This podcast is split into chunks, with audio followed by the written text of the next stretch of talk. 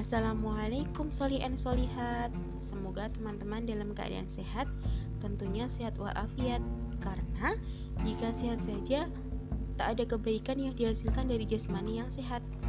Dan jangan lupa selipkan doa juga Untuk siapa pun yang sedang isoman Baik dengan gejala ringan, sedang maupun berat. Semoga Allah beri kesabaran dan kesembuhan juga tak lupa juga uh, doa untuk tenaga kesehatan. Semoga Allah beri kesabaran, kekuatan dan uh, Allah nilai sebagai jihad dalam ia bertugas.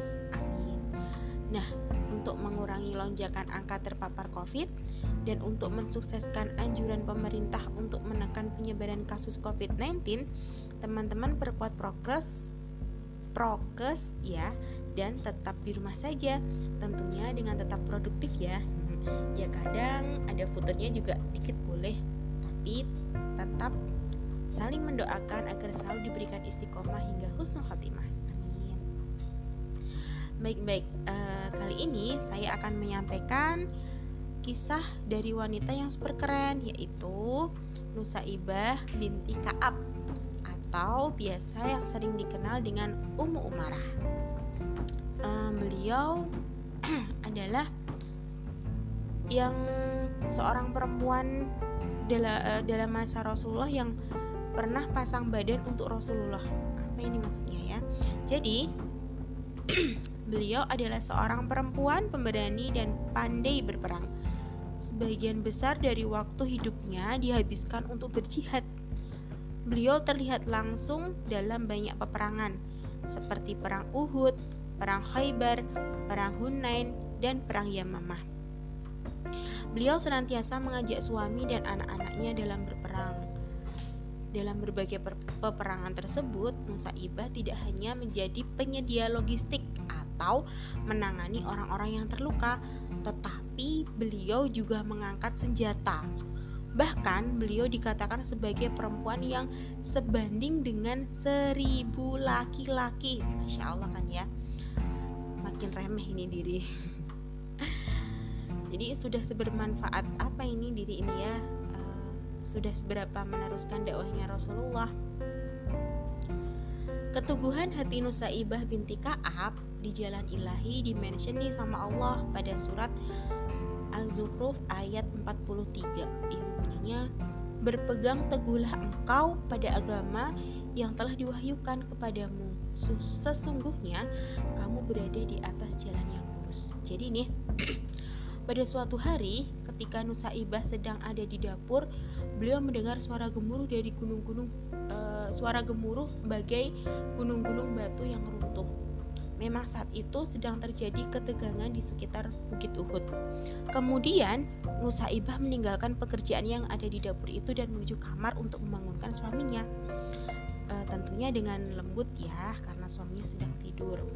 Nah, Nusaibah memberitahukan bahwa ada suara gemuruh yang seperti sedang terjadi peperangan. Suami Nusaibah pun merasa menyesal kenapa tidak dirinya saja yang mendengar suara gemuruh itu yang pertama kali.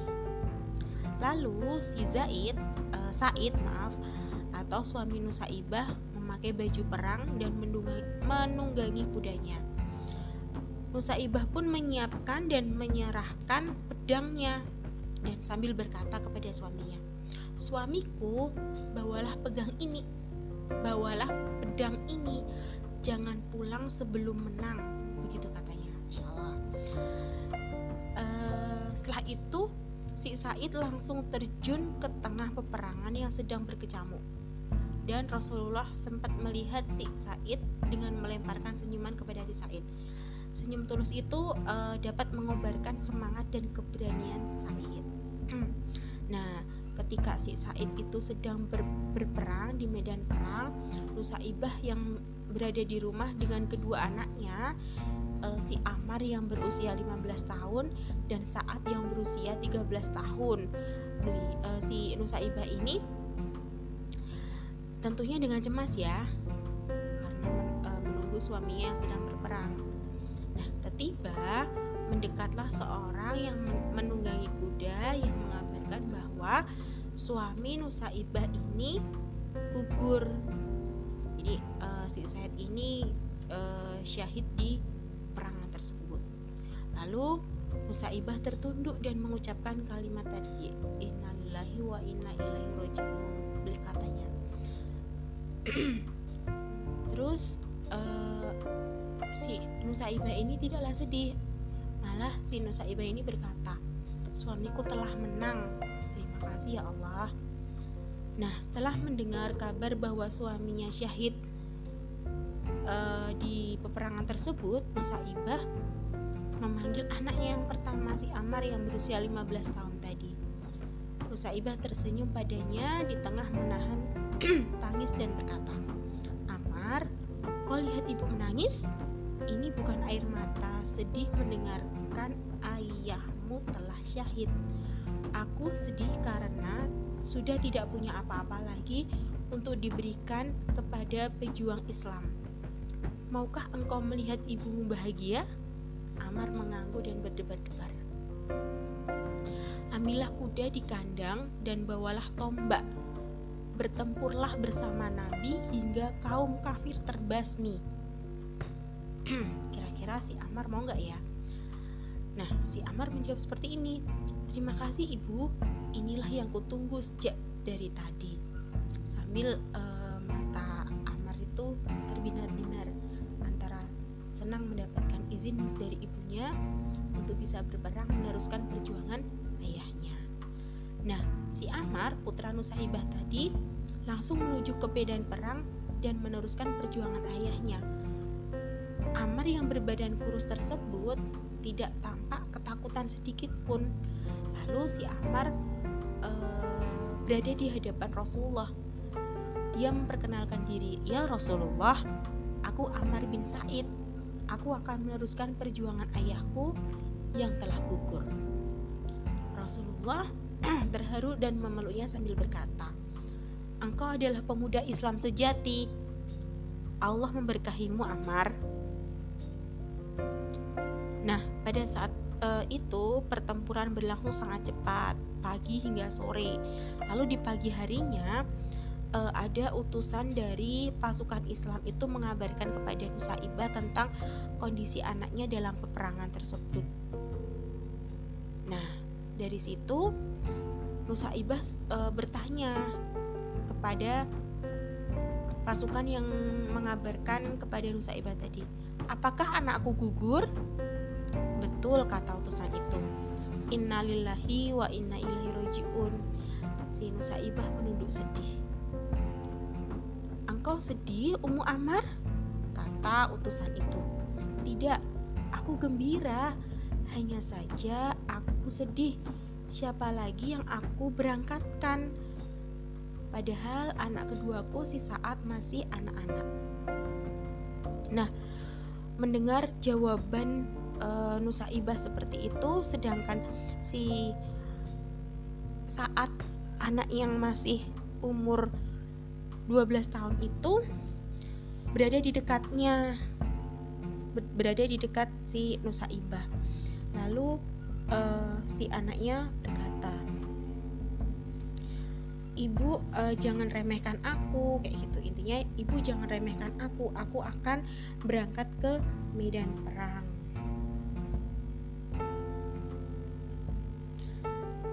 Masya Allah ya. Nah setelah itu si Nusaibah mendengar uh, komentarnya anaknya. Beliau bertanya kamu tidak takut anakku? Tidak ibu. Nah setelah itu si putranya saat itu uh, meneruskan perjuangan kakak dan ayahnya. Gitu. Nah dari peperangan anak yang berusia 13 tahun ini tadi banyak nyawa orang kafir yang dihempaskan nih sama anak tersebut. Hingga hingga tiba saatnya sebuah anak panah itu menancap di dadanya sehingga saat tersungkur uh, jatuh dan mencium bumi. Jadi jatuh dan ketika jatuh itu si saat beliau sambil menyerukan Allahu Akbar. Masya Allah harum sekali nih ya udah syahid. Terus matinya juga uh, sambil menyerukan Allahu Akbar. Nah setelah itu ada lagi nih utusan dari Rasulullah yang diutus untuk mengabarkan ke ibunya ke Nusaibah Nusaibah bertanya hei utusan apa yang kau apa yang kau kabarkan? Kayak gitu. Terus eh, lagi-lagi yang dikabarkan bahwa anaknya telah gugur kayak gitu. Nah dari situ si Nusaibah merasa sudah nggak sudah nggak punya apa-apa lagi sudah tidak ada yang bisa dia korbankan dia diperintahkan untuk ikut berperang terus uh, dia pun menunjuk dirinya sendiri untuk ikut perang. Dan dia menghadap ke Rasulullah dengan kuda yang ada. Tapi Rasulullah berkata e, engkau engkau seorang perempuan. Engkau seorang perempuan. Jadi eh, Rasulullah memerintahkan si Nusaibah hanya untuk mengurusi masalah logistik terus pengobatan dan sebagainya nah dari situ Nusaibah uh, ini nih apa mau-mau aja nih ya dia mengurusi jadi kayak dia tuh perawat jadi perawatnya prajurit-prajurit yang sedang berperang kayak gitu. Nah, pada suatu waktu si Nusaibah ini menyaksikan kekejaman ke, uh, melihat kekejaman dan melihat Nabi terjatuh dari kudanya. Karena kudanya ini terserempet anak panah dari musuh. Nah, si uh, ada juga Nusaibah itu juga uh, melihat bahwa ada uh, prajurit yang bukan prajurit sih. Intinya pasukan itu banyak yang gugur kayak gitu. Nah terus uh, dari melihat kayak gitu si Nusaibah itu dia langsung mengambil dan menaiki kuda miliknya. Jadi dari situ tuh kayak kayak singa betina yang dia sedang mengamuk terbirit-birit untuk ingin ikut berperang kayak gitu. Nah dari situ puluhan orang kafir yang yang tumbang nih di dihempaskan oleh si Musaibah bahkan dia terjatuh terinjak-injak kuda dan dia berdiri lagi ikut berperang lagi. Nah, ketika uh, dia itu menjauh dari medan pertempuran, uh, Ibnu Mas'ud dia mencari-cari mana nih si Nusaibah kayak gitu. Nah, si Ibnu Mas'ud ini mendekati nih mendekati si Nusaibah. Ternyata di situ si Nusaibah itu sudah terjatuh. Lalu dia percikan air ke muka si Nusaibah ini akhirnya si Ibnu Mas'ud mengenalinya oh ini si Nusaibah tapi dia untuk meyakinkanlah bertanya kepada perempuan yang terjatuh yang di percikan air tadi ini istri Said kah? Nah lalu si uh, Nusaibah ini menjawab dengan samar-samar ya bagaimana dengan Rasulullah? Selamatkah selamatkah beliau? Jadi uh, si Ibnu Mas ini Ibnu Mas'ud ini kan bertanya kepada Nusaibah. Dia memastikan bahwa ini benar si istri Said. Terus gimana keadaannya? Kayak gitu dia mengkhawatirkan si Nusaibah tapi masya Allah si Nusaibah ini dia benar-benar mengkhawatirkan Rasulullah dan meyakinkan bahwa Rasulullah itu selamat kayak gitu masya Allah. Nah setelah itu uh, si Nusaibah ini bertanya kepada yang memercikan air tadi, engkau Ibnu Mas'ud bukan? Kayak gitu. Lalu si Nusaibah ini meminjam kudanya dan uh, senjatanya si Ibnu Mas'ud kayak gitu. Dia langsung uh, ini nih kembali ke pertempuran. Nah, setelah itu uh, Ibnu Mas'ud tadi menyerahkan kuda dan senjatanya ya setelah itu kan si Nusaibah kembali ke peperangan. Nah, namun akhirnya uh, dia itu lehernya terbabat sampai putus. Hmm, ya Allah. Nah, setelah itu dia terjatuh, terjatuh dan dia gugur, dia syahid. Nah, ketika dia syahid, awan-awan langit maksudnya langit itu langsung mendung. Padahal tadinya benar-benar terang benderang. Langsung Rasulullah itu berkata kepada para sahabatnya kalian lihat langit tiba-tiba menghitam bukan? Itu adalah bayangan para malaikat yang beribu-ribu jumlahnya. Mereka berduyun-duyun menyambut kedatangan roh Nusaibah. Dia perempuan yang perkasa. Masya Allah jadi uh, dari situ kita bisa belajar bahwa keteguhan hatinya, keteguhan hati si Nusaibah ini untuk membela kebenaran, menegakkan keadilan e, luar biasa sekali kayak gitu ya. Dan bahkan semangatnya si Nusaibah untuk benar-benar membela Rasulullah, melindungi Rasulullah dan memastikan Rasulullah baik-baik saja ini uh, dengan semangat sekali kayak gitu. Bahkan segala kekurangan yang dia miliki tak akan menyurutkan keteguhannya di jalan kebaikan. Kan tadi uh, awalnya suaminya gugur tapi dia nggak menyurut nggak sedih kayak gitu. Dia langsung cari apa saja yang bisa untuk dia perjuangkan untuk membela uh, agamanya Islam kayak gitu. Masya Allah.